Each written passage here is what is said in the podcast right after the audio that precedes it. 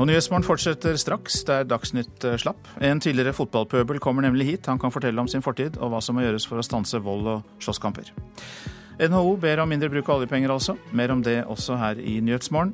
Hvert eh, tredje barn som skader seg i barnehagene i Oslo, gjør det uten at voksne er til stede. Og ungdom som ser Skam, syns at voksenprat om serien nå ødelegger opplevelsen for dem. Men det er ikke så mange voksne som ser på, viser det seg. Din programleder i Nyhetsmorgen i dag, Øystein Heggen. Regjeringen bør altså redusere bruken av oljepenger i statsbudsjettet neste år. Det mener NHO på bakgrunn av en fersk konjunkturrapport. I rapporten melder bedriftene om lysere utsikter. Det forteller avdelingsdirektør i NHO, Dag Årnes.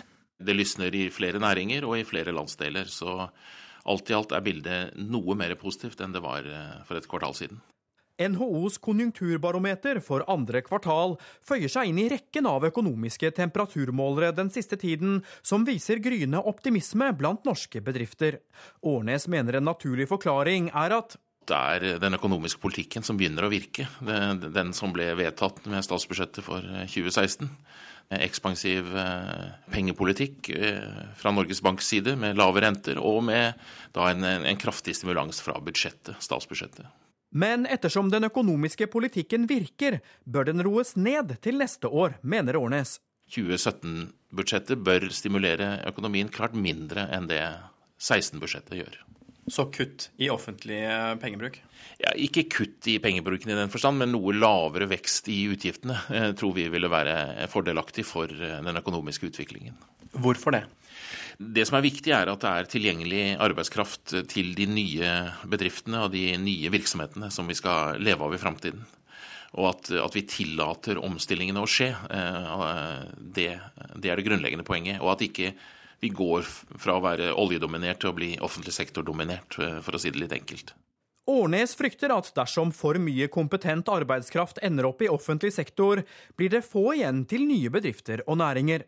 Sjeføkonom i LO, Stein Regaard, mener på sin side at faren for at det offentlige skal skvise ut privat næringsliv, ikke akkurat er overhengende. Hvis man innretter budsjettene feil, kan jo det skje, men i øyeblikket er det jo såpass mye ledig kapasitet og jobbveksten har vært så svak eh, i forhold til befolkningsutviklingen og veksten i yrkesbefolkningen, så det skulle være atskillig å gå på der. Hva så med hun som faktisk har ansvaret for statsbudsjettet 2017? Finansminister Siv Jensen sier at ja, det er lyspunkter i norsk økonomi, men at Det er for tidlig å konkludere. Vi vil jo få oppdaterte prognoser på norsk økonomi når regjeringen skal eh, gjøre ferdig statsbudsjettet for 2017. Og det er for tidlig å si hvordan utviklingen blir. Reporter her, Halvard Norum. Hvert eh, tredje barn som skader seg i en barnehage i Oslo, gjør det uten at voksne er til stede. Det viser en kartlegging som legevakten og Helsedirektoratet har gjort. Nasjonalt så finnes det ikke noe krav til bemanning i barnehagene. I Tor Olsens barnehage på Sagen i Oslo er det 181 barn å holde styr på, og da skjer det uhell fra tid til annen. Jeg falt og slo meg. Jeg kom rett i et steiner som er rett på siden av hverandre, og så skrubba meg rett ditover. Og så fikk jeg blod. Og så gråt jeg. Hampus Blomander husker godt fallet i barnehagen, men han var heldig og slapp legevaktbesøk. Men det hender at vi må reise dit, sier daglig leder i barnehagen, Bodil Ugelstad. Den typiske barne barnehageskaden er en kul i hodet, små kutt, klemskader, løse tenner. Sånn, det har med fall å gjøre, kanskje. De 181 barna i barnehagen er fordelt på 14 avdelinger. Det er tre voksne på hver avdeling, helt i tråd med kommunens krav til grunnbemanning. Likevel skjer mange av skadene uten at de ansatte får det med seg.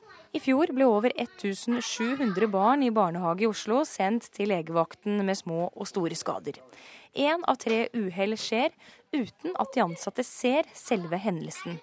Det er urovekkende, sier avdelingsdirektør i Helsedirektoratet, Jakob Linhave. Det er litt bekymringsfullt. Så da kan man jo spørre seg hvordan er bemanningssituasjonen i barnehagen i Oslo i forhold til antall barnehagebarn? Eh, kanskje dette er noe man kunne sett på. Eh, men vi tenker at det er et for stort antall ulykker hvor voksne ikke har vært vitne til. Og da vet vi også fra tidligere erfaringer at eh, det kan få uheldige konsekvenser.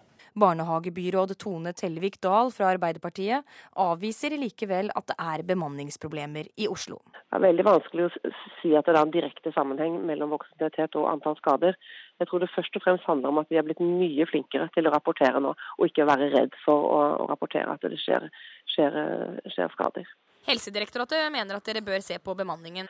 Altså, det er et viktig signal som direktoratet kommer med, og Stortinget har også bestilt av kunnskapsministeren en sak om bemanningsnorm i barnehagene. Jeg venter spent på hva ministeren eh, der har å levere. På nasjonalt nivå er det ikke et felles krav til bemanning. Det har Stortinget nå bedt regjeringen komme med en plan for. Reporter eh, Maria Nakken. Avisene. VG skriver at en forsvarsadvokat skal ha bedt en torpedo om å kidnappe et voldtektsoffer for å holde henne unna en rettssak, slik at klienten hans kunne gå fri. Advokaten avviser anklagen og sier samtalen fant sted fordi torpedoen skal ha truet ham og familien hans. Førstestatsadvokat Jørn Maurud ber politiet om å etterforske saken. Nav gir avslag for å pynte på statistikken. Det viser en forskningsrapport fra Sintef gjengitt i Aftenposten. Astrid Kvale fikk hjernesvulst som 24-åring, men fikk avslag på søknad om å bli ung ufør. Etter klage fikk hun de pengene hun hadde krav på. Ytelsesdirektør i Nav, Kjersti Monland, er ikke enig i at de begår systematiske brudd på forvaltningsloven. Våre feriemål har høyest smitterisiko, skriver Nasjonen. Ferieland nordmenn foretrekker, som Bulgaria, Kypros, Hellas og Italia, har de høyeste andelene av E. coli-bakterier som er resistente mot antibiotika. Ta ikke for gitt at alle serveringssteder har god kjøkkenrutine, sier fagdirektør i Folkehelseinstituttet Ulf Dale. Hemmelig norsk nettverk skjuler barnevernsbarn. Dagbladet forteller om en kvinne som ble funnet av politiet denne uken etter at hun hadde holdt seg skjult med babyen sin i en måned. Kvinnen hadde fått vite at barnevernet ville ta barnet fra henne. Hun ble hjulpet av et nettverk som er kritisk til barnevernets avgjørelser. De fleste fylkeslederne i de borgerlige partiene støtter at kommuner slås sammen med tvang, kan vi lese i Klassekampen, som har gjennomført en rundspørring blant Høyres, Fremskrittspartiets, Venstres og Kristelig Folkepartis fylkesledere. 51 av de 68 lederne som svarte, sier de støtter tvangssammenslåing. Pensjonister fikk husleiesjokk, skriver Bergensavisen. Boligbyggelaget BHB solgte nylig en bygård til eiendomsselskapet Ragde, og leietakerne i Bergen fikk nesten dobbelt husleie. En av dem fra om lag 6000 til 11 000 kroner. Investor Edgar Haugen i Radge Eiendom forsvarer husleieøkningen med at beboerne tidligere betalte mellom 40 og 50% under markedsleie. Den eh, voldsdømte filmskaperen Leon Bashir sier til Dagsavisen at han vil lage en fengselsfilm. Etter at han sonet sin dom, så lager Bashir en film som skal skremme ungdom fra å havne på feil side av loven. Ja, vertsnasjonen Frankrike er klar for åttendedelsfinalen i fotball-EM etter at de slo Albania 2-0. Og som i åpningskampen så kom ikke den avgjørelsen, avgjørelsen før helt på slutten. Der! Der! Der er Antoine Griezmann! Og de får en sen vinner i dag også, Frankrike! Nøyaktig 52 sekunder før full tid headet innbytter Antoine Griezmann Frankrike opp i 1-0 på Stade Velodrome i Marseille. En skåring som betyr at Frankrike og trener Didier Deschamps allerede kan konstatere at de er videre til åttedelsfinalene i mesterskapet på hjemmebane. Vi gjør jobben, vi spiller med hjertet. Og selv om vi ikke har den beste starten, så klarer vi å skåre mål mot et lag som er gode til å forsvare seg. Og nå har vi seks poeng og er videre.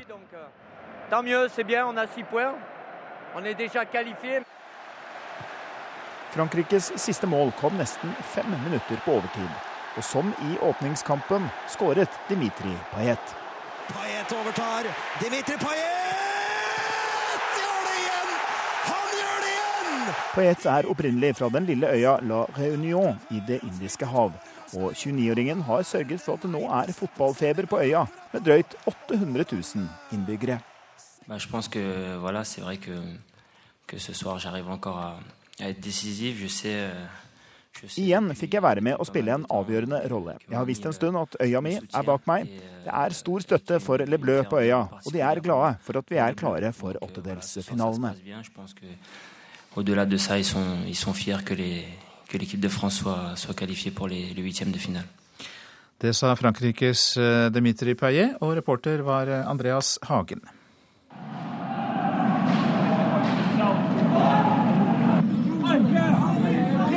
Hørt eh, lignende ting flere ganger i det siste. Opptøyer eh, og vold i EM-byen Lill var det også i natt. 36 fotballtilhengere ble pågrepet. 16 personer ble innlagt på sykehus. Og politiet jaget også flere grupper med engelske fotballsupportere og brukte tåregass for å spre dem. Bengt Agnor Kalmeier, velkommen hit. Takk skal du ha. Vi kan trygt si at du var en fotballpøbel? Det kan du trygt si. Men nå jobber du for forebygging og sikkerhet. Hva fikk deg til å forandre deg? Uh, ja, det kan du si. Det er en gradvis utvikling, selvfølgelig. Uh, jeg forandra litt livsstil, altså sånn generelt i forhold til jobb. Jeg begynte å jobbe i barneskole. Skulle jobbe med da de guttene og jentene som hadde litt problemer med å oppføre seg. Som jeg sjøl hadde da jeg var omtrent på samme alder. Uh, da begynte det å bli litt sånn vanskelig å skulle si til dem at du løser ingenting med vold. Når jeg sjøl da ikke bare brukte det som håper å si underholdning, men for meg så var jo det var jo vold det var et rusmiddel, rett og slett. Altså, jeg fikk et kick ut av å være en del av en gruppe som slåss mot en annen gruppe eh, med fotballsupportere, da. Jeg kan jo tenke at egentlig så kunne det vel kanskje vært om hva som helst, så lenge det hadde dreid seg om det samme som fotball på en måte er, da. Man er to motstandere. Man reiser enten til en by, eller de kommer til deg, og du har da en form for rivalisering. Og vi var jo da Jeg var jo del av en gruppe som jo da tok den et steg lenger, og som jo da førte oss som kanskje ekstra gode supportere fordi at vi slåss for laget vårt. Og det var Vålerenga, og nå snakker vi jo om EM i Frankrike, Kalmeier. Hva tror du ligger bak den kulturen som driver de som den, driver med denne fotballvolden, som er veldig alvorlig i Frankrike? Uh, ja, det er veldig komplekst. Uh, um, hvis du spør, håper å si, ti stykker, så får du vel i hvert fall åtte forskjellige svar, egentlig. Altså hvis du spør om hva er det som helt personlig, hva er det som driver deg.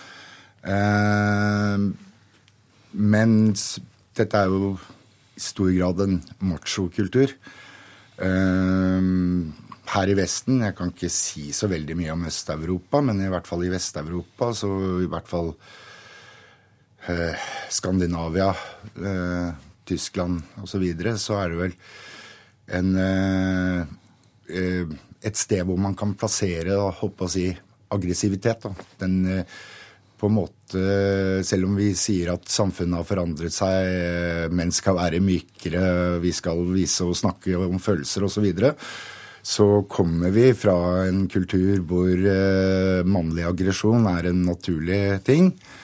Eh, svensk eh, sosionom som heter Kent Lindblad, som, har skrevet to bøker om sin egen fortid som skinhead og fotballpøbel og nynazist.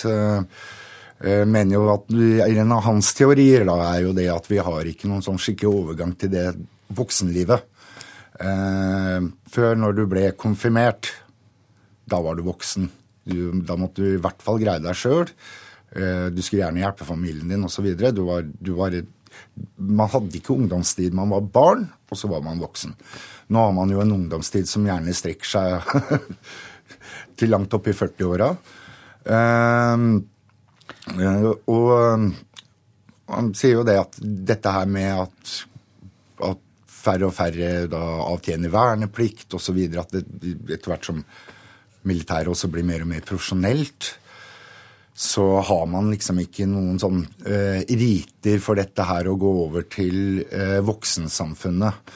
Og at uh, dette er kan, Hans teori er at noe av årsaken sånn generelt er jo det at man da søker etter noe som gir en sånn bekreftelse på at man, nå er man, nå er man stor. Ja. Men uh, det er jo en forklaring som kan fortelle oss mye om uh, hvorfor det skjer, og de endringene i samfunnet som bidrar til det. Men uh, hva tror du skal til for å få unge menn ut av voldsmiljøet? Jeg håper å si det er veldig individuelt igjen.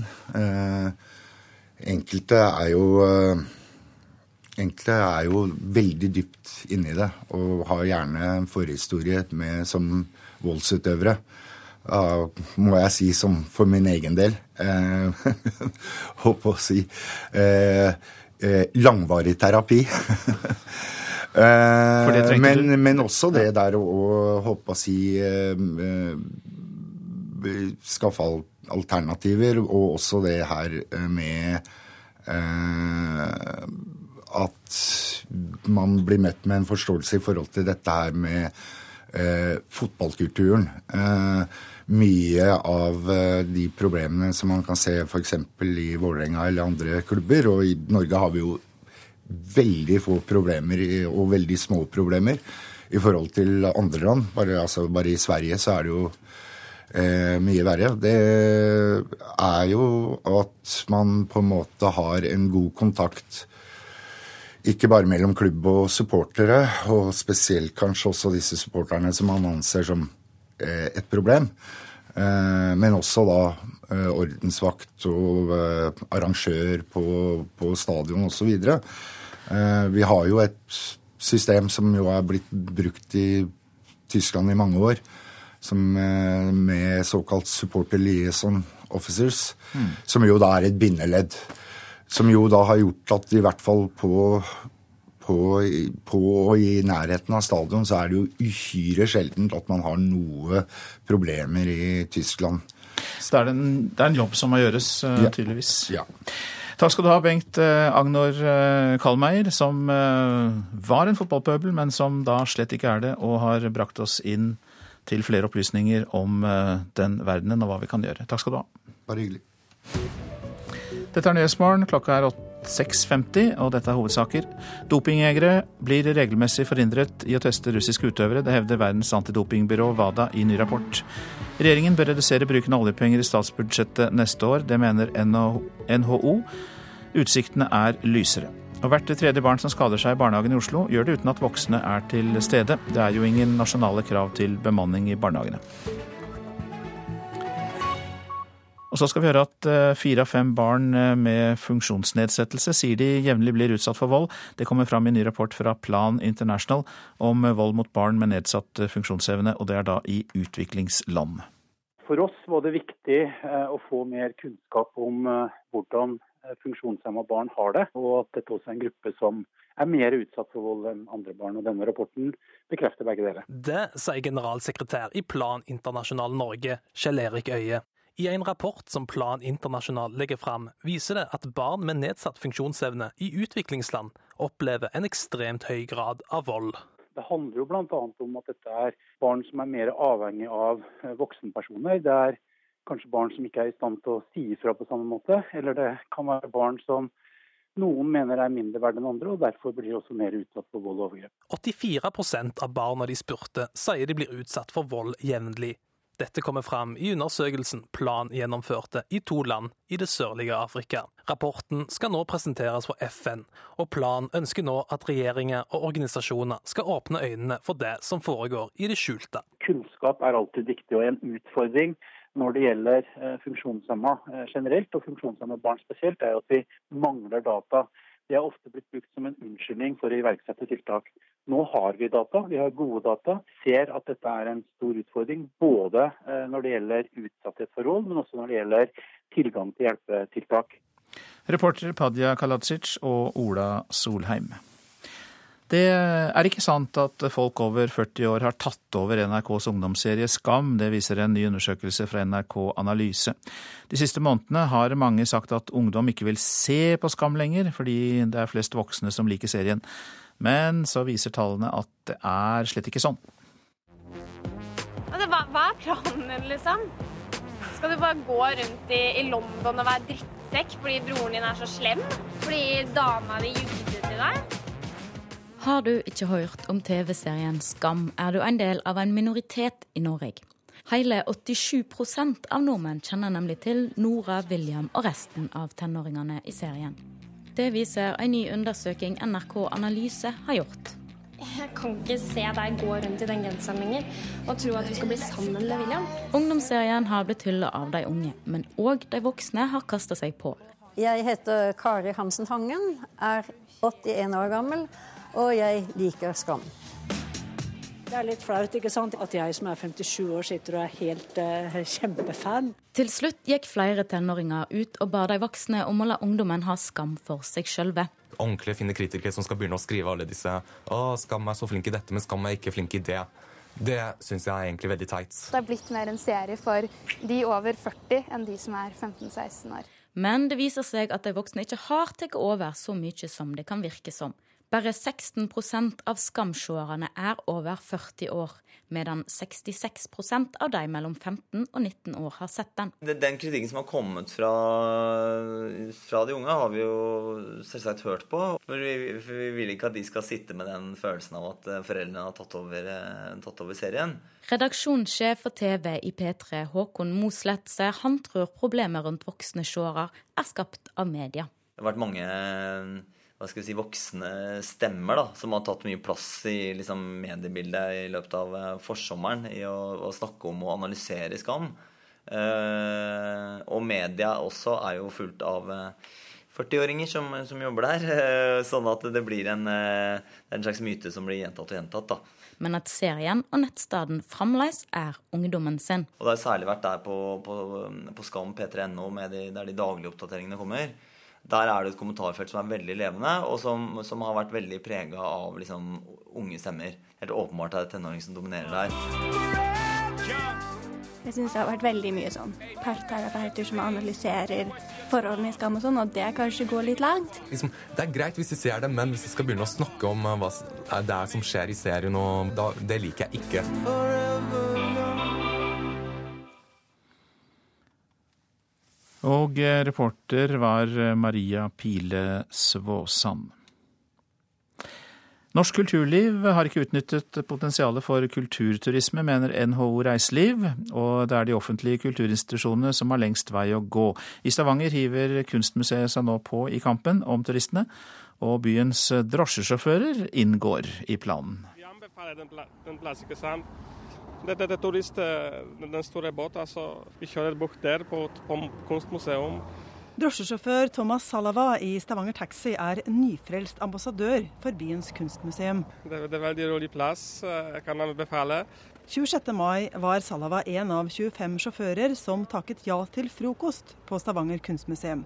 Og der var også Mesut Demirel. Altså det hjelper oss med å vite hvor de er, de forskjellige museene i Stavanger. Det er sånn sett veldig nyttig, synes jeg.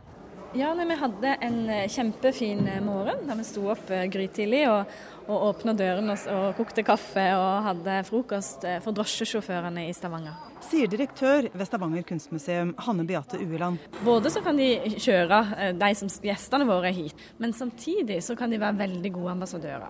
Mange bruker drosjesjåførene litt som en sånn mini-turistinformasjon. Og da kan de, nå har de med seg litt brosjyrer, og de kan bringe med seg ja, tipse folk om, om hvor de kan dra. Da. For nå vil Kunstmuseet i Stavanger hive seg på trenden med kulturturisme, og gjør som Innovasjon Norge etterlyste i NRK i går. De lager kommersielle produkter for dette voksende markedet. Vi forsøker nå å jobbe litt mer målretta med, eh, med, turistene. Ser på de store turistmassene som kommer til byen gjennom cruisebåtene. Og ser på hvordan vi kanskje kan eh, helt konkret få dem opp hit da, gjennom skreddersydde opplegg. Neste sommer hentes landskapsmaler Kitty Kielland fram i lyset. Og Stavanger kunstmuseum samarbeider med Guidekompaniet for å lage en pakke til byens cruiseturister, sier Ueland. De vil få seg en tur hit, en omvisning her på museet, og eh, antagelig et tilleggsopplegg. At det blir, på en måte blir en, sånn, en, en tur som kan fylle en, en, dag eller en del av en dag. Det er veldig positivt. Sier administrerende direktør i NHO Reiseliv, Kristin Krohn Devold. Kulturturisme er en internasjonal trend, men kulturlivet her hjemme har ikke utnyttet potensialet godt nok, mener hun, og etterlyser flere opplegg à la det som nå skjer ved museet i Stavanger. Er veldig mange, spesielt kommunalt eide museum, som eh, ikke er offensive nok til å selge sitt produkt som en del av et reiselivsprodukt. Og Her må private og offentlige aktører samarbeide mye tettere enn man har gjort. Altså det aller viktigste vi driver med er jo å forvalte og ta vare på samlingen vår. Sånn at Dette handler jo veldig mye om ressurser. Men ja, det handler jo selvfølgelig litt om holdninger. Reporter, reporter var Anette Johansen Espeland. Så skal jeg si litt om værvarselet fram til midnatt. Østlandet og fjellet i Sør-Norge. Byger i de vestlige strøkene, mens lavlandet østpå får gradvis lettere vær. Sørlandet, Telemark og Rogaland regn, særlig da i Agder. Eh, lokalt kraftige regn- og tordenbyger. Vestlandet får en del sol i dag, men også ettermiddagsbyger i indre strøk. Nordøstlig stiv kuling rundt Stad. Trøndelag nordøstlig liten kuling på kysten. En del sol blir det, men lokale regnbyger også. Kan hende med torden, men mest av det på ettermiddagen. Det er lokalt stor skogbrannfare nord på Vestlandet og i Trøndelag. Nordland, Troms og Vest-Finnmark tilskyende, perioder med regn. Nordlig liten kuling i Nordland. Øst-Finnmark, der blir det skiftende skydekke i dag og enkelte byger. Utrygt for torden i bygene. Spitsbergen regn og østlig liten kuling utsatte steder. Og der er jo USAs utenriksminister John Kerry i dag, så det er det været han får. Vi skal høre mer om det etter klokka sju. Temperaturene rekker vi å få med oss. Klokka fem Svalbard fem, Kirkenes tolv, Vardø ti, Alta åtte, Tromsø sju, Bodø og Brønnøysund ni, Trondheim 13, Molde ti, Bergen, Stavanger og Kristiansand alle med 14, Gardermoen 12, Lillehammer 11, Røros 9 og Oslo-Blindern 15.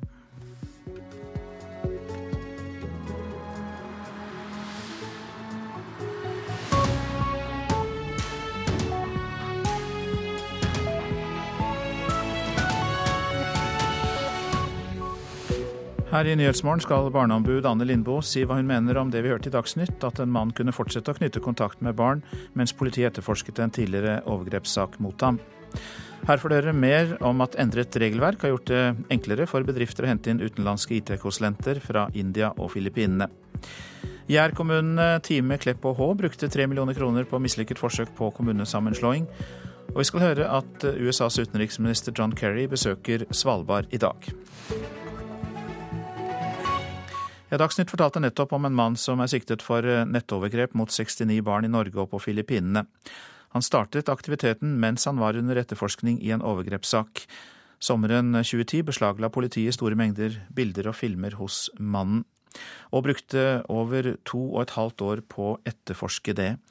I mellomtiden så brukte 66-åringen tiden til å etablere kontakt med nye barn. Gå inn i første rommet på høyre hånd. Leiligheten Kripos viser frem, er tom nå, men fungerte nærmest som en overgrepssentral i mange år. Her viste barn frem det menn fra Vesten ville se, via et webkamera. Vi møttes i 2011, sier en av ofrene om den norske 66-åringen. Da var han allerede sikta i Norge, Året før fant politiet 100 000 bilder og 700 filmer i nordmannens bolig. Voldtekter av små barn, nakenbilder. Et grovt materiale som politiet brukte over to år på å gå gjennom. Gunnar Fløystad er visepolitimester i Vest politidistrikt. Det var et veldig stort beslag. Det, vi hadde begrensa ressurser den gang som nå på, på datakrim. Men nordmannen brukte etterforskningstida flittig. Han sendte penger til en familie på Filippinene. Minst 50 overføringer fra 2012 til 2015, forteller Daniel de Ganso i filippinsk politi. I tillegg starta han med nettovergrep av norske barn, ifølge Kripos. Men visepolitimester Fløystad tar ikke selvkritikk, og vil ikke gå inn på hva politiets lange etterforskning hadde å si for nordmannens nye aktiviteter. Jeg tror det igjen er helt uriktig av deg å koble de to sakene. Hadde ikke den gjennomgangen av beslaget tatt så lang tid, så ville mannen mest sannsynlig vært dømt og ikke da kunne begått nye lovbrudd. Han, eh, Nå må du huske på at han ble dømt, så, så ja, det, ko ko kobling ja, Jo, men at det er en kobling der, det, det har ikke jeg grunnlag for å spekulere i, og det tror jeg heller ikke NRK har. I 2013 stoppa pengeoverføringene til Filippinene midlertidig. Da sona nordmannen i fem måneder. Som Bergen tingrett sa det, straffen ble redusert fordi etterforskninga tok meget lang tid. Reportere Kristine Svendsen og Kjetil eh, Rydland. Og 66-åringen erkjenner deler av siktelsen. Barneombud Ane Lindboe, takk for at du kommer til Nyhetsmorgen. Eh, hva syns du om det som kommer fram her? Jeg har lyst til å begynne med å si at at eh, det å laste ned og dele overgrepsbilder av barn på nett, det er veldig alvorlig kriminalitet. Det er viktig å huske på at halvparten av det materialet, det er materiale av barn under ti år, og det viser grove overgrep og grov vold. Derfor er det så viktig at politiet prioriterer disse sakene og går raskt inn og etterforsker. For at veldig mange av de som laster ned og deler, de begår også egne overgrep mot barn. Eh, og man kan også risikere at de bestiller live-overgrep, sånn som i denne saken som er nevnt her. Og Hvis politiet da ikke går raskt inn og etterforsker og går gjennom materialet, så risikerer man at barn fortsetter å utsettes for overgrep i mellomtiden, og at man faktisk ikke får hjulpet dem raskt nok. Politiet tar jo ikke selvkritikk her. De vil ikke gå inn på hva den lange etterforskningen kan ha hatt å si for mannens aktivitet. Hva er din kommentar til det? Det er klart at lang etterforskningstid, det har vi sett i tidligere saker, eh, det kan jo eh, medføre at gjerningspersonen da begår nye overgrep i etterforskningsperioden. Vi ser også dessverre noen saker på at politiet ikke går gjennom datamaterialet i det hele tatt. Eh, og det at det tar lang tid før sakene ferdigstilles, det har vi sett mange eksempler på. Kripos f.eks. For, for to år siden gjorde de en, en stor aksjon mot et fildelingsnettverk. Genererte 99 saker til politidistriktene, og fremdeles er det bare halvparten som er ferdigstilt over to år etterpå. Og det er veldig alvorlig for de barna det gjelder. Blir det strafferabatt, sånn som vi hørte om i dette tilfellet? Jeg er veldig opptatt av at eh, straffene bør økes i disse sakene. Det bør ikke gis rabatt, det bør heller økes. fordi at igjen, dette er grov, alvorlig kriminalitet. ja, men de, de får rabatt fordi politiet har brukt så lang tid. Så da, det, det ligger jo på en måte i lovverket. Men eh, det vil selvfølgelig du unngå. Men i tillegg vil du ha strengere straffer? altså? Ja, jeg vil ha strengere straffer fordi at jeg mener at dette er grov, alvorlig kriminalitet. Eh, og det syns jeg ikke avspeiles i det straffenivået vi har i dag. For at ved å bare laste ned og dele bilder, så er man faktisk aktivt med på å bidra til at grove overgrep skjer mot barn. Og det må også avspeiles i straffenivået. Er det noe man i denne saken og andre tilsvarende saker kunne gjort i mellomtiden under etterforskningen for å avverge nye overgrep? Det som er viktig, er å etterforske disse sakene raskere og få gått gjennom datamaterialet. Eh, og det er klart at I dag så har politiet dårlig etterforskningsverktøy. Det er enormt store databeslag det er snakk om. sånn jeg er veldig opptatt av at vi må styrke politiet her. For det første så må man i politireformen sørge for at denne typen saker prioriteres, så at vi får gode miljøer eh, når det dreier seg om etterforskning av eh, vold og overgrepsbilder på, på, nett mot barn. Eh, vi må ha flere etterforskere for å holde tritt med mengden saker. Og så må vi sørge for at politidistriktene får godt, material, nei, godt uh, utstyr for å kunne gå gjennom disse store mengdene beslag. Mange takk skal du ha, barneombud Anne Lindboe.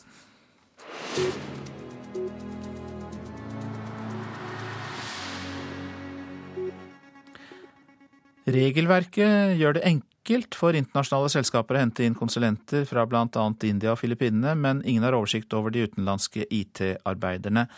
Fagforeningen Tekna krever at myndighetene skaffer seg oversikt over omfanget av eh, disse IT-arbeiderne, som altså kommer fra utlandet. Inderen NRK snakker med utenfor DNBs lokaler i Bjørvika, sier han er i Norge ca. ett år via jobb for en av DNBs indiske underleverandører. Alle IT-gigantene bruker stadig mer arbeidskraft i land i Asia og Ukraina. Men ikke alle oppgaver kan løses fra utlandet. Regelverket gjør det lett for internasjonale IT-selskaper å hente arbeidskraft utenfor EØS-området. Eh, det kom eh, eh, større, større, endringer i den nye utlendingsloven og forskriften i 2010, der det ble noen, noen ordninger som gjorde det enklere for utenlandske arbeidstakere å komme raskt til Norge i jobb. Så hvis jeg kan tolke deg rett, så er det egentlig UDI har ingen oversikt over hvor mange IT-arbeidere som kommer til Norge hvert år, og hvor lenge de blir her? Nei, Vi har eh, oversikt over hvem som får tillatelse i Norge. Eh, det har vi. Men vi har ikke noe eh, god oversikt over bransje og tilhørighet på de som har fått tillatelse. Sier Jonas Folma, områdeleder i Utlendingsdirektoratet. Internasjonale IT-selskaper er sikret rask saksbehandling når de henter såkalt faglærte i land utenfor EØS. Bare fra India fikk i fjor 937 personer arbeidstillatelse som faglærte. Noen blir et halvt år, andre i flere år, men ingen har oversikten. Men det vi kan si er at De får en tillatelse som begrenses ut fra det, eh, den arbeidskontrakten de har fått. Så det er ikke noe krav om at det skal være mangel på denne type kompetanse i Norge? Nei, så lenge kvoten ikke er oppfylt, så er det ikke noen prøving av det utover det. President i fagforeningen Tekna, Lise Randeberg, krever at myndighetene gjør strakstiltak for å skaffe seg oversikt over IT-arbeiderne, og ikke minst hva slags forhold de jobber under. Mange av dem jobber med kritisk infrastruktur i Norges viktigste bedrifter. Man må jo ha oversikt over det. Og vi får beskjed fra våre tillitsvalgte der ute i norske, store norske IT-selskap. De er svært bekymra over vilkårene de her arbeiderne jobber under. Og Man vet jo ingenting, verken om arbeidstida, kontrakter, hvor mange det er, eh, hvor de kommer ifra, eller hvor lange dager de jobber. Og det er konkurransevridende i forhold til norske kompetansemiljøer. Hvilket ansvar syns du myndighetene nå har for å finne ut mer om denne gruppen? Det syns jeg de bør eh, ta initiativ til så fort som mulig, sånn at man kan få en oversikt. Og er egentlig ganske sjokkert over at man ikke allerede har den oversikten. Eh, UDI og Arbeidstilsynet må definitivt komme på banen her. IT-arbeiderne har også mulighet for å komme til Norge på tre måneders turistvisum, bl.a. på opplæring eller som forretningsreisende. Da er de ikke registrerte som arbeidstakere, og betaler heller ingen skatt til Norge, opplyser skatteetaten. Hvor mange IT-arbeidere som kommer hit på turistvisum, og hvor de jobber, vet ingen norske myndigheter. Sa reporter Line Tomter, som hadde laget denne saken sammen med reporter Anne Cecilie Remen.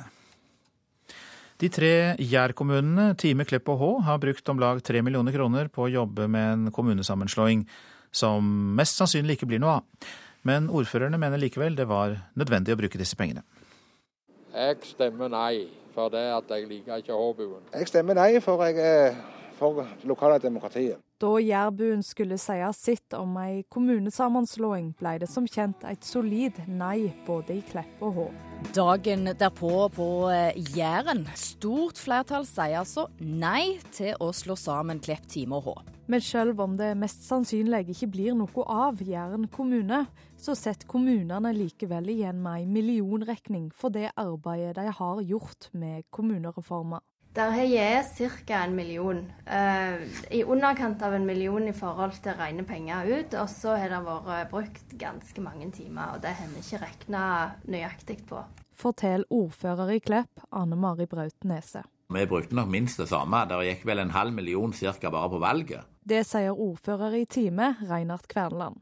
Også i Hå anslår de at de har brukt om lag 1 million kroner på arbeidet. Geir Pollestad i Senterpartiet kaller det pengesløseri.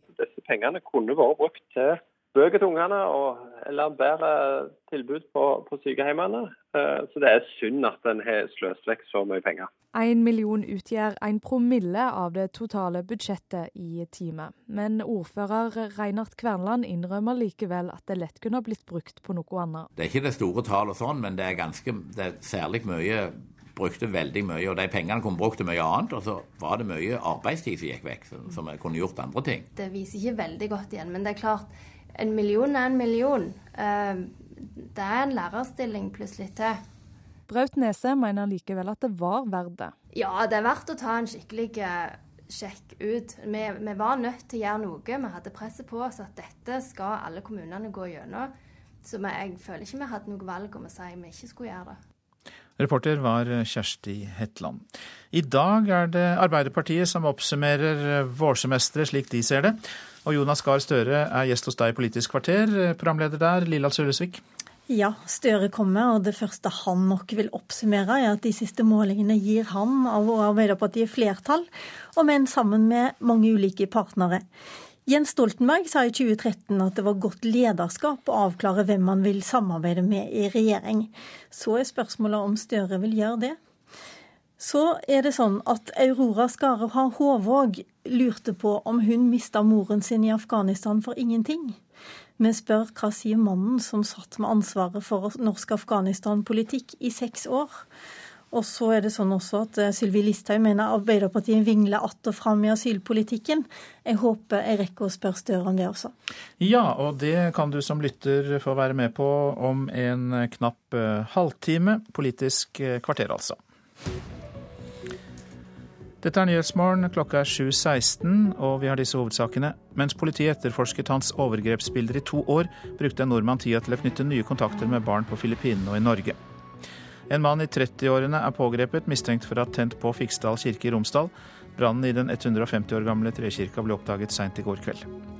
Internasjonale selskaper kan hente inn utenlandske IT-konsulenter fra India og Filippinene uten at myndighetene har noen oversikt.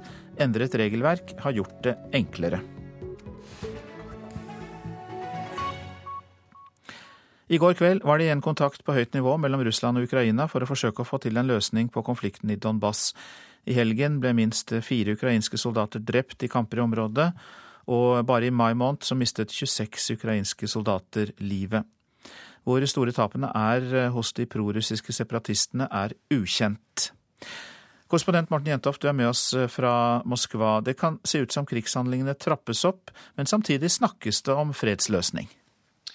Ja, det gjør det, og det kan jo høres ut som et paradoks, men uh, mange mener at det ligger i denne konfliktens uh, natur. Når uh, man snakker om fred, da først og fremst da i Minsk, der OSSE holder sine forhandlinger gående, ja, så ser vi stadig vekk at det skytes mer nede i selve Donbass.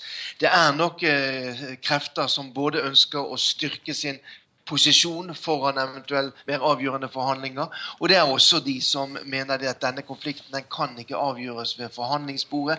Den må avgjøres på slagmarken. Og akkurat nå så er det jo på slagmarken det pågår. Det har vært en voldsom opptrapping av skytingen i Donbass den siste måneden. Eh, ukrainske myndigheter melder om at de har registrert bare i løpet av 16 dager 3340 bombenedslag. Det rammer også sivilbefolkningen. Det er sivile som er drept. det er bolighus som er ødelagt. Sånn at uh, det har vært en opptrapping av krigen, samtidig som vi uh, har, uh, som, du ser, som, du sa, det, det, er forhandlinger på gang da, for å finne en løsning på høyt nivå. Hva kan du si er det viktigste hinderet for å få til en løsning på denne konflikten øst i Ukraina? Det viktigste hinderet, det viktigste problemet er jo at uh, partene ikke snakker direkte sammen her. Ukrainske myndigheter nekter å snakke direkte med det som de betegner som banditter. Altså myndighetene, de pro-russiske myndighetene i folkerepublikkene Luhansk og Danetsk. Um, uh, og så lenge det ikke er kontakt direkte her, så blir det sannsynligvis da ingen, ingen framgang i prosessen mot fred. Det skal jo da etter planen gjennomføres valg i de prorussiske områdene også. Det skal være valg som skal skje innenfor rammene av uh, ukrainsk uh, lovgivning. Men så lenge det ikke er kontakt direkte her, så skjer det nok ikke noe. Uh, så det er nok for å finne en eller annen mekanisme for at partene snakker sammen, at det kan være mulig å komme videre i konflikten. Hva kan være Russlands strategi framover?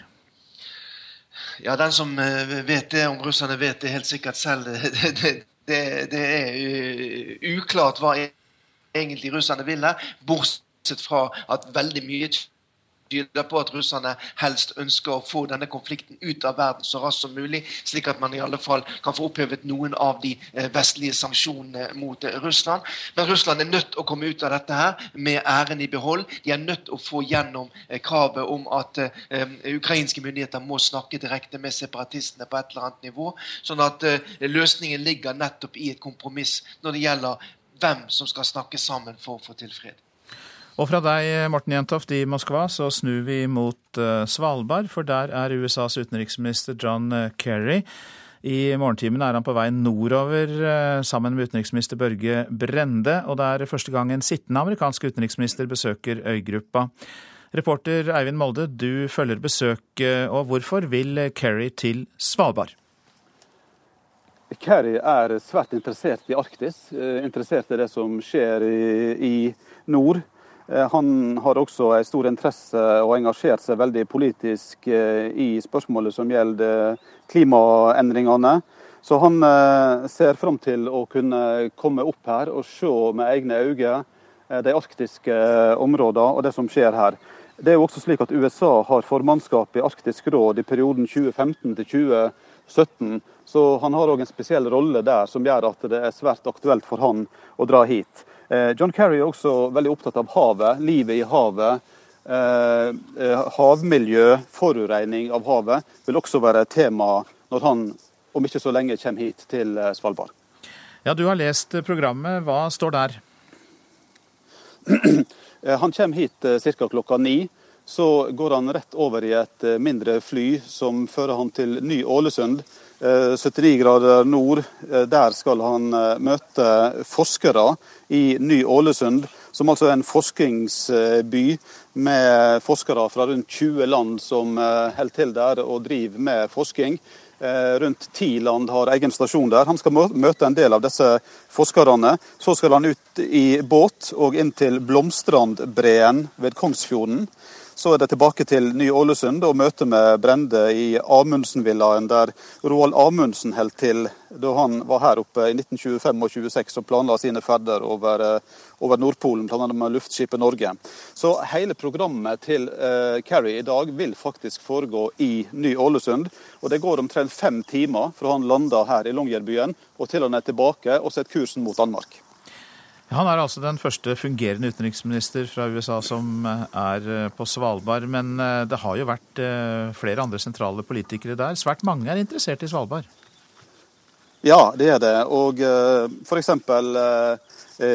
Hillary Clinton, som var senator i 2004, hun var her da i lag med John McCain og flere andre senatorer. I 2008 var Madeleine Albright her, og tidligere president Carter. Eh, vi kan òg nevne at eh, FNs generalsekretær Ban Ki-moon har vært her ikke mindre enn to ganger. I 2009 før klimatoppmøtet i København, og i fjor før klimatoppmøtet i Paris. Så den internasjonale interessen for å komme til dette området er svært stor. Takk skal du ha, reporter eh, Eivind Molde, som er på Svalbard og altså står klar og venter på flyet med John Kerry, som lander klokka ni. Dette er eh, det avisen er opptatt av i dag. VG skriver at en forsvarsadvokat skal ha bedt en torpedo om å kidnappe et voldtektsoffer for å holde henne unna en rettssak, slik at klienten til advokaten kunne gå fri.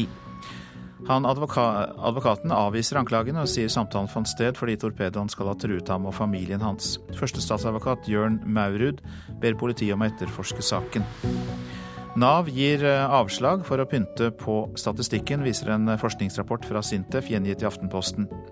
Astrid Kvale fikk hjernesvulst som 24-åring, men fikk avslag på søknaden om å bli ung ufør.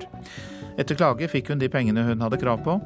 Ytelsesdirektør i Nav, Kjersti Monland, er ikke enig i at de begår systematiske brudd på forvaltningsloven. Våre feriemål har høyest smitterisiko, skriver Nasjonen. Ferieland nordmenn foretrekker som Bulgaria, Kypros, Hellas og Italia har de høyeste andelene av E. coli-bakterier som er resistente mot antibiotika. Ta ikke for gitt at alle serveringssteder har god kjøkkenrutine, sier fagdirektør i Folkehelseinstituttet, Ulf Dale. Hemmelig norsk nettverk skjuler barnevernsbarn. Dagbladet forteller om en kvinne som ble funnet av politiet denne uken etter at hun hadde holdt seg i skjul med babyen sin i en måned. Kvinnen hadde fått vite at barnevernet ville ta barnet fra henne. Hun ble hjulpet av et nettverk som er kritisk til barnevernets avgjørelser. De fleste fylkeslederne i de borgerlige partiene støtter at kommuner slås sammen med tvang, kan vi lese i Klassekampen, som har gjennomført en rundspørring blant Høyres, Fremskrittspartiets, Venstres og Kristelig Folkepartis fylkesledere. 51 av de 68 lederne som svarte, sier de støtter tvangssammenslåing. Pensjonister fikk husleiesjokk, skriver Bergensavisen. Boligbyggelaget BOB solgte nylig en bygård til eiendomsselskapet Ragde, og leietakerne fikk nesten doblet husleien, en av dem fra om lag 6000 til 11 000 kroner. Investor Edgar Haugen i Ragde forsvarer husleieøkningen med at beboerne tidligere betalte mellom 40 og 50% under markedsleie. Den eh, voldsdømte filmskaperen Leon Bashir sier til Dagsavisen at han vil lage en fengselsfilm. Etter at han har sonet sin dom, så lager Bashir en film som skal skremme ungdom fra å havne på feil side av loven. Ja, vi kan si at En keiserinne på fire bein har sett dagens lys på Senja i Troms. Eh, hun tilhører eh, en utrydningstruet art, lynghestrasen. Men eh, moren måtte bøte med livet fordi hun hadde en alvorlig sykdom. Nå gjelder det å finne en god fostermor til den lille lyngshesten. Skal vi se. Den begynner å bli litt våken. Jeg vet ikke om hun mm. Skal vi se, hvor ble den av, den slangen? Den lå jo ikke helt Med en kanyle i foten ligger det lille jentefølget under et teppe og får væske intravenøst. Ved sida av sitter Elin Sørensen, som er lærer på hestelinja ved Senja videregående skole. Mora var rød og hadde sånn her bliss. Men hun hadde ikke riktig så bredt her nede. Og pappaen er også rød, samme det her, den mørke fargen her kaller vi for rød. Så hun blir egentlig ganske sånn dyp rød, den her, tror jeg. Keiserinnen fra Senja. Mora til følget hadde fått det de kaller for silosjuka. Det er en alvorlig tilstand som ender med at bakføttene til hesten svikter. Derfor visste de at følget kom til å miste mora si. Keisersnittet gikk bra, og følget var veldig kvikt med en gang det kom ut. Så det ble liksom sånn gledesstund når det følget kom oppi det hele trasig. For hoppa måtte jo avlives rett etterpå. Så hun fikk ikke Jo da, hun fikk hilst på det, men hun skjønte ikke noe ut av det. For hun har ikke hatt føl før, så hun så liksom bare litt på det. Altså. Mm. Med råmelk fra et par nybakte hestemødre fra Tromsø har den rødfarga keiserinna klart seg bra så langt. nå, er hun liksom, nå fant hun den sjøl, og det var veldig bra. Men det er ikke noe varig løsning. Så samtidig som følget ble frakta til Nordnorsk hestesenter i natt, ble også hoppa tidligere plassert i en henger og kjørt til Målselv. Hun ble skilt fra sitt eget følge i går, som var ett år gammel, så hun har fortsatt litt melk. Så hvis hun kan adoptere det følget der, så vil jo det kunne fortsette å die litt på henne. Det sier veterinær Johanna Schneider. Så vi får krysse fingrene, se hvordan det går. Lyngshesten er en utrydningstrua rase. Derfor er det ekstra viktig at Senja-keiserinna overlever. Nå gnis følget inn med svetten til hoppa, Hoppa får et beroligende middel, og så kommer følget inn til henne. Hestelærer Elin Sørensen prøver å hjelpe den lille lyngshestjenta til å ta puppen. Jeg skjønner ikke på. Pappen.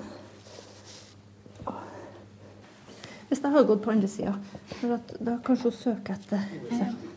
Første forsøk mislykkes.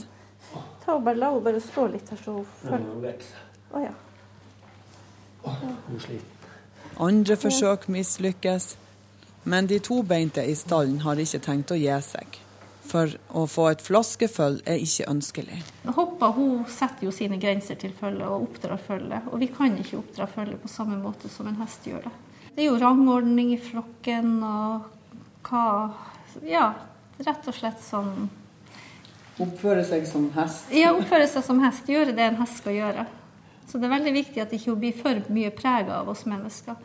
Vi må prøve å få henne til å bli en hest. Så får lukte på så kjenner det. Ja. Og den reportasjen var laget av Linda Pedersen. Du lytter til Nyhetsmorgen. Produsent Kari Bekken Larsen. Her i studio, Øystein Hegge.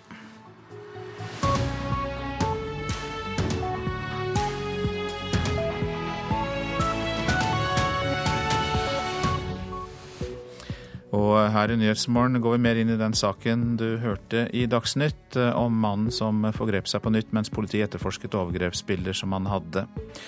Verken Antidoping Norge eller NRKs friidrettsekspert Vebjørn Rodal er overrasket over den nye rapporten som slakter antidopingarbeidet i Russland. Blir jeg valgt, vil jeg snu amerikansk politikk på hodet, sier Donald Trump. Hva vil det bety for USAs utenrikspolitikk? Vi spør eh, USA-forsker Svein Melby. Ja, Verken Antidoping Norge eller NRKs friidrettsekspert eh, Vebjørn Rodal er særlig overrasket over denne nye rapporten om antidopingarbeidet i Russland. Det er det internasjonale antidopingbyrået WADA som offentliggjør eh, denne rapporten om doping i russisk idrett. Og det går bl.a. fram at eh, dopingkontrollører er blitt truet og forhindret fra å gjøre jobben sin i Russland. Jeg syns det er veldig skuffende sier daglig leder i Antidoping Norge, Anders Solheim. Men det er jo ikke spesielt overraskende sett i lys av den rapporten som kom i mai, og også det arbeidet som vi har eh, drevet sammen med russerne. I WADA-rapporten som kom i går kveld, står det bl.a. følgende. Væpnede agenter fra den russiske sikkerhetstjenesten FSB har truet med å utvise dopingkontrollører fra Russland. Over 700 dopingtester mellom februar og mai ble avvist eller avlyst av ulike årsaker. Utøverne oppgir at de bor i militærbyer der dopingjegerne ikke har adgang, og en kvinnelig friidrettsutøver prøvde å gjemme en beholder med det som trolig var ren urin, inne i kroppen. Hun ble avslørt og testet positivt. Jeg syns det sier at eh, russisk idrett eh, har en lang vei å gå, og også det russiske antidopingarbeidet. Det er vanskelig å finne utøvere, det er det som fremkommer i rapporten, eh, for å kunne gjennomføre dopingkontroll, eh, og utfordringer med å krysse grenser med dopingprøver. Heller ikke NRKs friidrettsekspert Vebjørn Rodal er overrasket. Nei, eh, det er jo litt skuffende å, å lese at det er sånn, men jeg er dessverre ikke overraska. Og det er veldig viktige ting som påpekes i den rapporten. Da. Det er på en måte eh, essensen av det som mangler i et velfungerende antidopingarbeid i, i Russland. Det er akkurat det her som går på testing og uanmeldt testing utenfor konkurransesituasjonen. Den biten må være på plass hvis eh, russisk antidopingarbeid skal være troverdig. Russiske utøvere er allerede midlertidig utestengt av Det internasjonale friidrettsforbundet. Men om de skal få delta i sommerens OL er ennå ikke avgjort. Rodal mener Russland ikke fortjener en plass. I morgen skal WADA presentere en, en anbefaling basert på, på de tingene de peker på her, da, om de mener at det som er gjort i etterkant av de at det er avdekt slett antidopingarbeid i Russland, og om de eh, blir anbefalt eh, deltakelse i, OL i Rio. De presenterer den rapporten for Det internasjonale friidrettsforbundet i, første omgang, og så gjør vel Det internasjonale friidrettsforbundet deretter en, en, innstilling til IOC som har siste ordet. og, og Da får vi se hvordan det her sparker av gårde. Men jeg, jeg, vet ikke noe om konklusjonene i, i dette arbeidet, men, men jeg syns det er mye som tyder på at Russland foreløpig ikke fortjener en plass i internasjonal idrett, rett og slett. Vebjørn Rodal, som i tillegg til å være NRKs friidrettsekspert, også er nestleder i styret i Antidoping Norge, og reporter var Fredrik Lauritzen. Nå til deg, korrespondent i Moskva, Morten Jentoft. WADA rapporterer altså om systematiske forsøk på å hindre dopingjegere i Russland. Hva kan det bety for russisk idrett, for dette er jo da, som vi hørte, bare en dag før en spesialgruppe skal svare på om russiske friidrettsutøvere får delta i Rio-OL? Dette tyder, alt tyder jo på at uh, WADAs uh, si, spesialkommisjon, som nå har gransket det russiske friidrettsforbundet, uh, sannsynligvis kommer til å anbefale at russerne ikke får delta, altså friidrettsutøvere ikke får deltatt i, i Rio-OL. Sånn at den rapporten som kom i går kveld, den er vel en, en, del av oppladningen til det, og den gir jo et veldig negativt bilde av russisk idrett, også etter at de avsløringene kom i fjor høst, eh, at lite har blitt forandret inn, eh, i, i, løpet av den tiden. Så, eh, så, det er klart at for russisk idrett så er dette nok et tilbakeslag, selv om de prøver jo selvfølgelig å, å si at de nå gjør det de kan da for å rette opp tidligere feil. men den rapporten som kom i går, viser jo at det er i alle fall mye som ikke er rettet opp ennå. Reaksjoner fra russisk hold, er det kommet noe?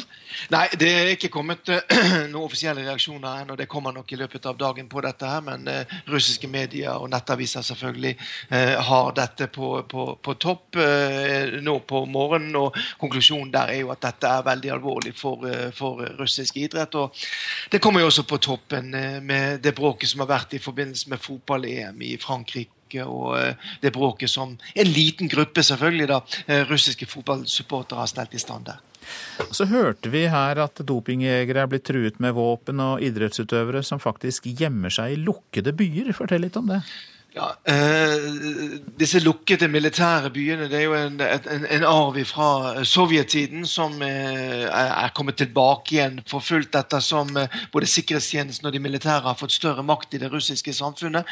Og Det er altså byer som russerne har stengt da for eh, ikke bare utlendinger, men også for den vanlige russer. Det finnes en god del av disse byene bl.a. på Kolahalvøya i nærheten av Norge. og der, eh, Vi vet jo at mange idrettsutøvere også har tilknytning til det militære. det er jo ikke bare et russisk fenomen.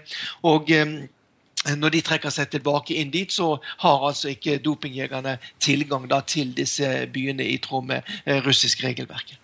Gjør de russiske friidrettsutøverne noe selv for å hindre at de kanskje kan bli utelukket eh, over lang tid fra internasjonal idrett? Ja, Det er klart at mange eh, russiske idrettsutøvere, som eh, stavhopperen Jelena Isenbajeva og andre toppidrettsutøvere, som sier det at vi har aldri eh, testet positivt på noen som helst prøve, de er fortvilet over det som skjer, og de mener det at de blir kollektivt straffet for feil som noen ja, andre idrettsutøvere har gjort, og at det som man gjør gjør mot uh, russisk idrett her, da, uh, ikke blir gjort mot andre lands idrett, så man føler seg urettferdig behandlet. Det er litt det samme argumentasjonen som vi har sett i forhold til fotballsupporterne i, Frankrike også. Uh, men, men samtidig så så mener jo da WADA at det er for seint. Russiske idrettsutøvere som har vært rene, de har gjort for lite innad i Russland for å få endret den kulturen som har vært her. Så de kan bare takke seg selv, mener i alle fall eh, noen i WADA for at, eh, at, situasjonen er blitt sånn som den er blitt. Morten Jentoft i Moskva, mange takk skal eh, du ha.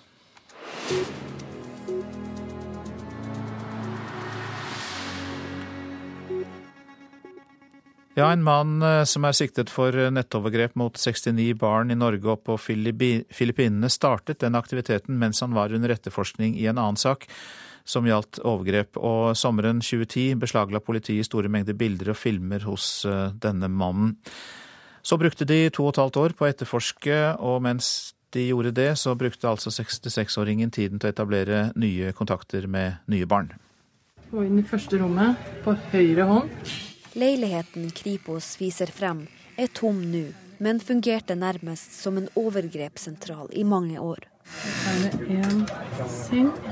Her viste barn frem det menn fra Vesten ville se, via et webkamera.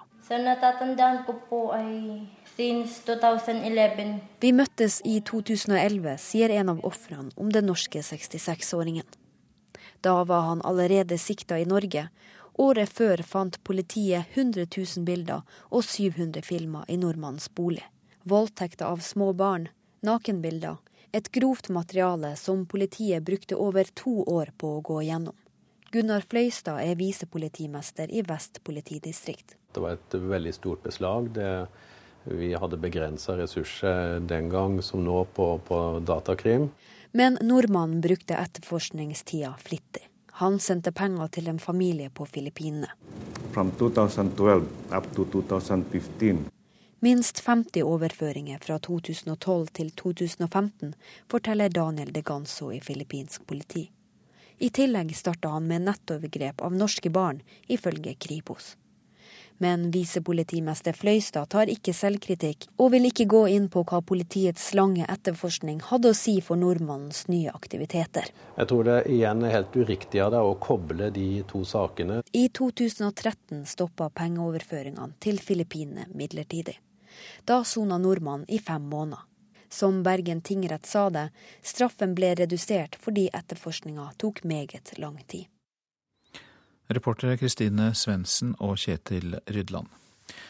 Arbeiderpartiets leder Jonas Gahr Støre kommer ikke til å avklare hvilket regjeringsalternativ han går til valg på. Et gjennomsnitt av meningsmålingene i juni gir opposisjonen flertall. Arbeiderpartiet kan eh, styre enten sammen med de rød-grønne partiene, altså eh, Miljøpartiet De Grønne eller Senterpartiet, eller eh, Kristelig Folkeparti. Men Støre vil altså ikke avsløre hvilket alternativ han eh, foretrekker. Det ville han ikke da han var gjest i Politisk kvarter i dag. Det jeg erfarer når jeg reiser rundt, at velgerne kommer til å bli fryktelig lei av at vi skal få debatter om ett parti inn, ett ut nå, over et år før valget. Det kommer sikkert ganske mye av det før valget. Hovedspørsmålet er Får denne regjeringen flertall for den kursen den har, eller er det grunnlag for politikk som går i en annen retning? Og det alle sier når jeg snakker politikk med dem, er snakk om politikken. Hør litt nå på en mann som du pleide å lytte til. Noen sånne fundamentale ting, som hvem som skal være med i regjeringa, blir avklart. Hva som er de økonomiske rammene, blir avklart. Det syns jeg at det er en lederoppgave å avklare før et valg. Vi gjorde det. Hvem som skulle delta. Rammene for politikken ble avklart. Det var Jens Stoltenberg, det, fra ja, stortingsvalget i 2013. Den engasjerte stemmen, jeg kjenner igjen den. ja, Og han avklarte. Han syntes det var en lederoppgave, til og med? Jo, men la meg si det sånn. Vi har jo avklart, vi. At vi kan styre med andre partier. Vi styrte i åtte år, tok godt vare på landet gjennom finanskrisen med Senterpartiet og SV. Og i denne perioden så viser vi at vi kan samarbeide med dem og med andre partier i saker. Vi kan styre alene, men jeg har erfaring med å styre med andre og er bekvem med det. Jeg tror Arbeiderpartiet også blir bedre av å styre med andre. Eh, og vi skal vise at det er eh, godt med et sånt alternativ. For med Fremskrittspartiet og Høyre, med et tyngdepunkt i Høyre for Høyre, er ikke bra for Norge. Det svekker kvaliteten ved samfunnet vårt. Det gjør oss mindre rustet til å møte de store omstillingene samfunnet skal møte. Hvor viktig kommer Kristelig Folkepartis samarbeid til å bli i Stortinget neste Altså, Kristelig Folkeparti vi har hatt mye godt samarbeid med, og det viser jo sakene. De oppsummerte politikken i går og viste på områder hvor vi har fått gjennomslag, for vi har satt oss ned. Det gjelder også i forhold til våre tidligere rød-grønne partnere, også med Venstre på noen områder, med MDG på noen områder.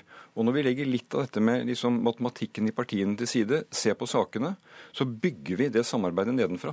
I saker og i holdninger.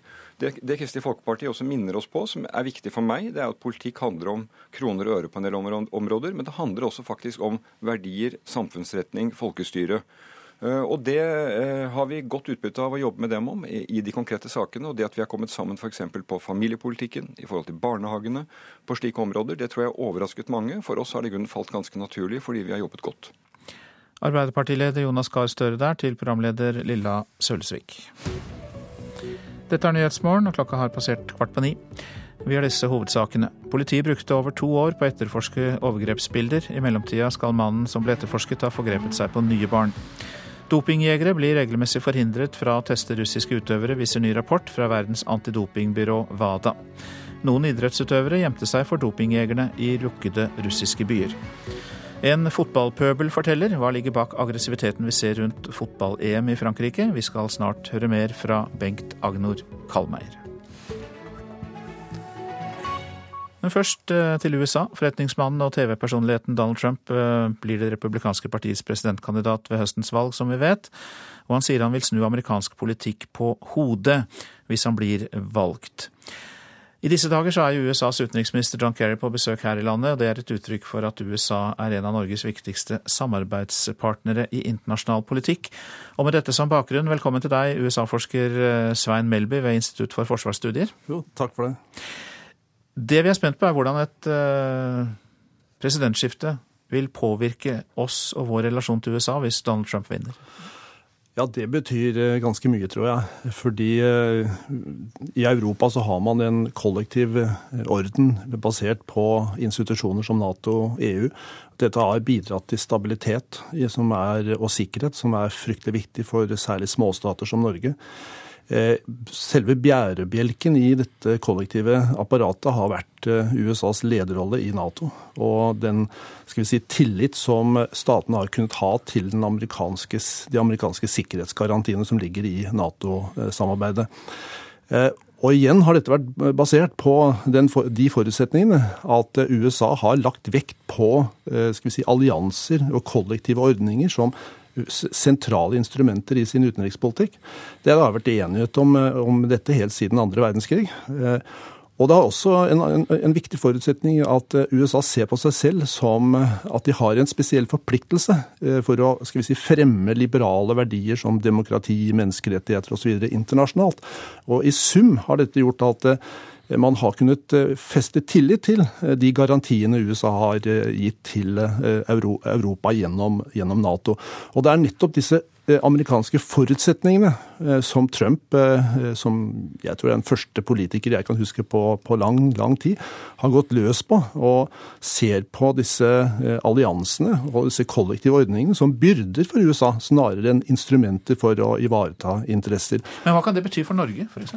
Ja, alt dette kan bety hvis, hvis, hvis Trumps, sånn han argumenterer, da, får gjennomslag i konkret amerikansk politikk, så betyr det at USA vil senke sitt si, ambisjonsnivå i Nato. legge mindre vekt på allianser og den type ordninger.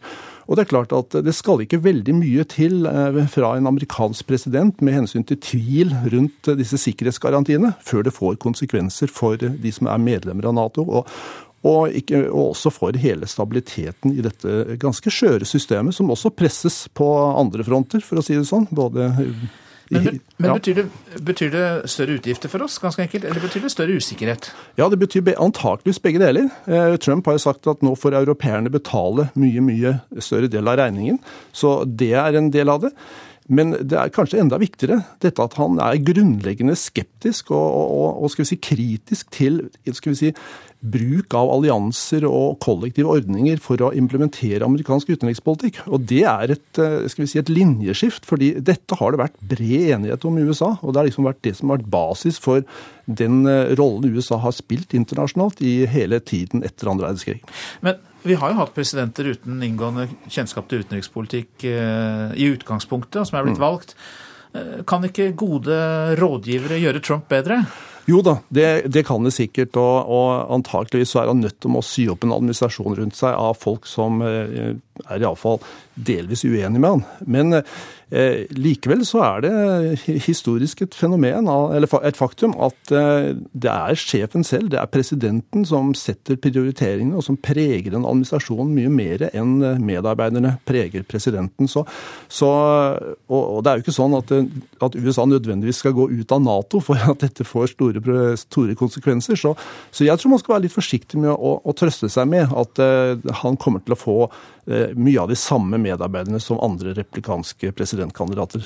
Men, men, har han eh, mange allierte eh, i amerikansk politikk når det gjelder å rive seg løs fra det mer forpliktende internasjonale samarbeidet, som, som du er bekymra for? Ja, det er, det er, nettopp det som er kanskje hovedbekymringen. Fordi Trump er på en måte en eksponent for en trend i amerikansk politikk som eh, begynner å betvile denne internasjonale rollen og de forpliktelsene USA har, og at man begynner å se eh, nærmere på skal vi si, mer kortsiktige nasjonale interesser. Man begynner å betvile handelsregimer eh, osv. Og, og det er en populisttrend i amerikansk politikk. Den ser man ikke bare i det replikanske partiet, men også i det demokratiske. Og det reiser skal vi si, usikkerhet med hensyn til den forpliktende rolle USA har spilt internasjonalt. Mange takk for at du kom til oss, USA-forsker Svein Melby ved Institutt for eh, forsvarsstudier. Regjeringen bør eh, roe ned pengebruken, eller oljepengebruken skal det være, i neste års statsbudsjett. NHO mener det på bakgrunn av en rapport der flere bedrifter melder om lysere utsikter. Avdelingsdirektør Dag Årnes ved NHO sier det er viktig at ikke offentlig sektor skviser ut næringslivet. Det som er viktig, er at det er tilgjengelig arbeidskraft til de nye bedriftene og de nye virksomhetene som vi skal leve av i framtiden. Og at, at, vi tillater omstillingene å skje. Eh, det, det, er det grunnleggende poenget. Og at ikke vi går fra å være oljedominert til å bli offentlig sektor-dominert, eh, for å si det litt enkelt. Og derfor vil NHO ha mindre trykk på den økonomiske gasspedalen til neste år. Ikke kutt i pengebruken i den forstand, men noe lavere vekst i utgiftene eh, tror vi ville være fordelaktig for eh, den økonomiske utviklingen. Årnes viser til NHOs ferske konjunkturrapport for andre kvartal, der mange bedrifter nå ser lysere på framtida. Da må på en måte ikke offentlig sektor legge beslag på hele, hele det nye produksjonsrommet. LOs sjeføkonom Stein Regaard mener på sin side at det foreløpig er liten fare for at det offentlige skal skvise ut næringslivet. I øyeblikket er det jo såpass mye ledig kapasitet, og jobbveksten har vært så svak eh, i forhold til befolkningsutviklingen og veksten i yrkesbefolkningen, så det skulle være atskillig å gå på der. Og finansminister Siv Jensen? Hun minner om at statsbudsjettet for 2017 fortsatt er noen måneder unna. Vi vil jo få oppdaterte prognoser på norsk økonomi når regjeringen skal eh, gjøre ferdig statsbudsjettet for 2017. Og det er for tidlig å si hvordan utviklingen blir. Finansminister Siv Jensen til reporter Halvard Norum. Det har vært eh, tribunevold og slåsskamper under EM i fotball i Frankrike. Vi har sett bilder av blodige menn som sparker og slår hverandre. Bengt Agnor Kalmeier har jobbet med forebygging og sikkerhet for Vålerenga, men tidligere var han det han selv kaller en fotballpøbel. Vold det var et rusmiddel, rett og slett. Altså, jeg fikk et kick ut av å være en del av en gruppe som slåss mot en annen gruppe eh, med fotballsupportere, da. Jeg kan jo tenke at egentlig så kunne det vel kanskje vært om hva som helst, så lenge man er to motstandere. Man reiser enten til en by, eller de kommer til deg, og du har da en form for rivalisering. Jeg var jo del av en gruppe som jo da tok den et steg lenger, og som jo da førte oss som kanskje ekstra gode supportere fordi at vi slåss for laget vårt. Og det var Vålerenga, og nå snakker vi jo om EM i Frankrike, Kalmeier. Hva tror du ligger bak den kulturen som driver de som den, driver med denne fotballvolden, som er veldig alvorlig i Frankrike? Hvis du spør håper å si, ti stykker, så får du vel i hvert fall åtte forskjellige svar, egentlig. Altså Hvis du spør om hva er det som helt personlig, hva er det som driver deg?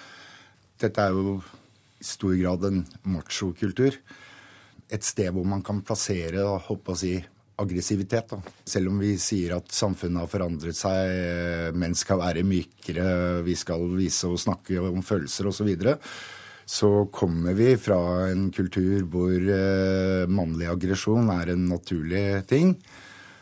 Han sier jo det at dette her med at færre og færre da avtjener verneplikt osv., at det, etter hvert som militæret også blir mer og mer profesjonelt, så har man liksom ikke noen sånn eh, riter for dette her å gå over til eh, voksensamfunnet. Men eh, hva tror du skal til for å få unge menn ut av voldsmiljøet? Jeg håper å si det er veldig individuelt igjen. Enkelte er jo veldig dypt inni det og har gjerne en forhistorie med, som voldsutøvere må jeg si som for min egen del eh, Håper å si Uh, uh, langvarig terapi. og også det her med at man blir møtt med en forståelse i forhold til dette her med fotballkulturen. På en måte har en god kontakt ikke bare mellom klubb og supportere, og spesielt kanskje også disse supporterne som han anser som eh, et problem. Eh, men også da eh, ordensvakt og arrangør på, på stadion osv. Vi har jo et system som jo er blitt brukt i Tyskland i mange år, som, med såkalt supporter liaison officers, mm. som jo da er et bindeledd. I nærheten av stadion så er det jo uhyre sjeldent at man har noe problemer i Tyskland. Det sa Bengt Agnor eh, Kalmeier, som altså tidligere var en eh, fotballpøbel, som han kalte seg selv, men eh, senere drev med forebygging og sikkerhet for Vålerenga.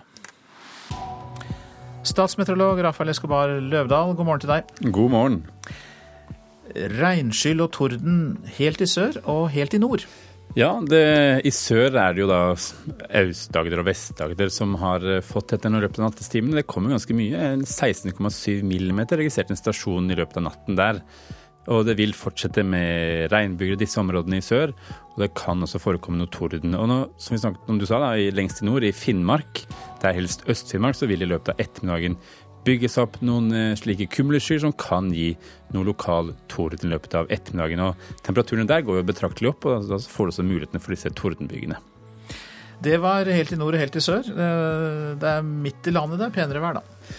Ja, det fortsetter jo med en del sol eh, langs kysten av Møre og Romsdal og Trøndelag. Også helt ytterst av Nordland har det nå vært en del sol. Og temperaturmessig, det er jo nordavind, så blir jo ikke de helt store temperaturene der langs kysten. Men som sagt, det blir mye sol, og nordøst stiv kuling omkring Stad. Ellers så blir det nok nedbør i de indre strøkene, både Nordland, Troms, nei, Nordland eh, Trøndelag og Møre og Romsdal. Det kan jo være noen, eh, noe tordenaktivitet i disse byene. Det er mulig, det også. Så er det Vestlandet Eh, sør for Stad. Her ser det ut til at det er Sogn og Fjordane som kan få delvis skyet, så er det mulig å se solen der. Men også her vil det gå noen regnbyger. Men ser du at flest byger, det vil jo da gå i, i Rogaland. Ser det ut til å være flest byger. Og bris av skiftende retning. Kommer du langt nok nord, sånn som til Sogn og Fjordane, vil det nok være stort sett nordlig bris. På Spitsbergen er det jo eh, fasjonabelt besøk i dag av eh, selveste Kerry. Der er det for det meste skyet og litt regn av og til. Temperaturen vil ligge mellom fem til åtte grader, og vinden den vil blåse fra stort sett sørøst. Men med mindre du er på et veldig utsatt sted, så er det nok rolig vindforhold. Kommer du på et utsatt sted, så kan det være oppimot en liten kuling. Og her eh, på det eh, østafjelske Østlandet ser det ut til å være en del sol lengst i øst, og, men lokal byge kan det fortsatt gå. Mange takk skal du ha, Rafael Escobar eh, Løvdahl. Det var Arne Fossland som var ansvarlig for eh, radionyhetene på alle kanaler denne morgenen. Så var det Kari Bekken Larsen som var produsent for vårt program Nyhetsmorgen, og vi hadde med oss teknisk ansvarlig Espen Hansen, og i studio Øystein Heggen.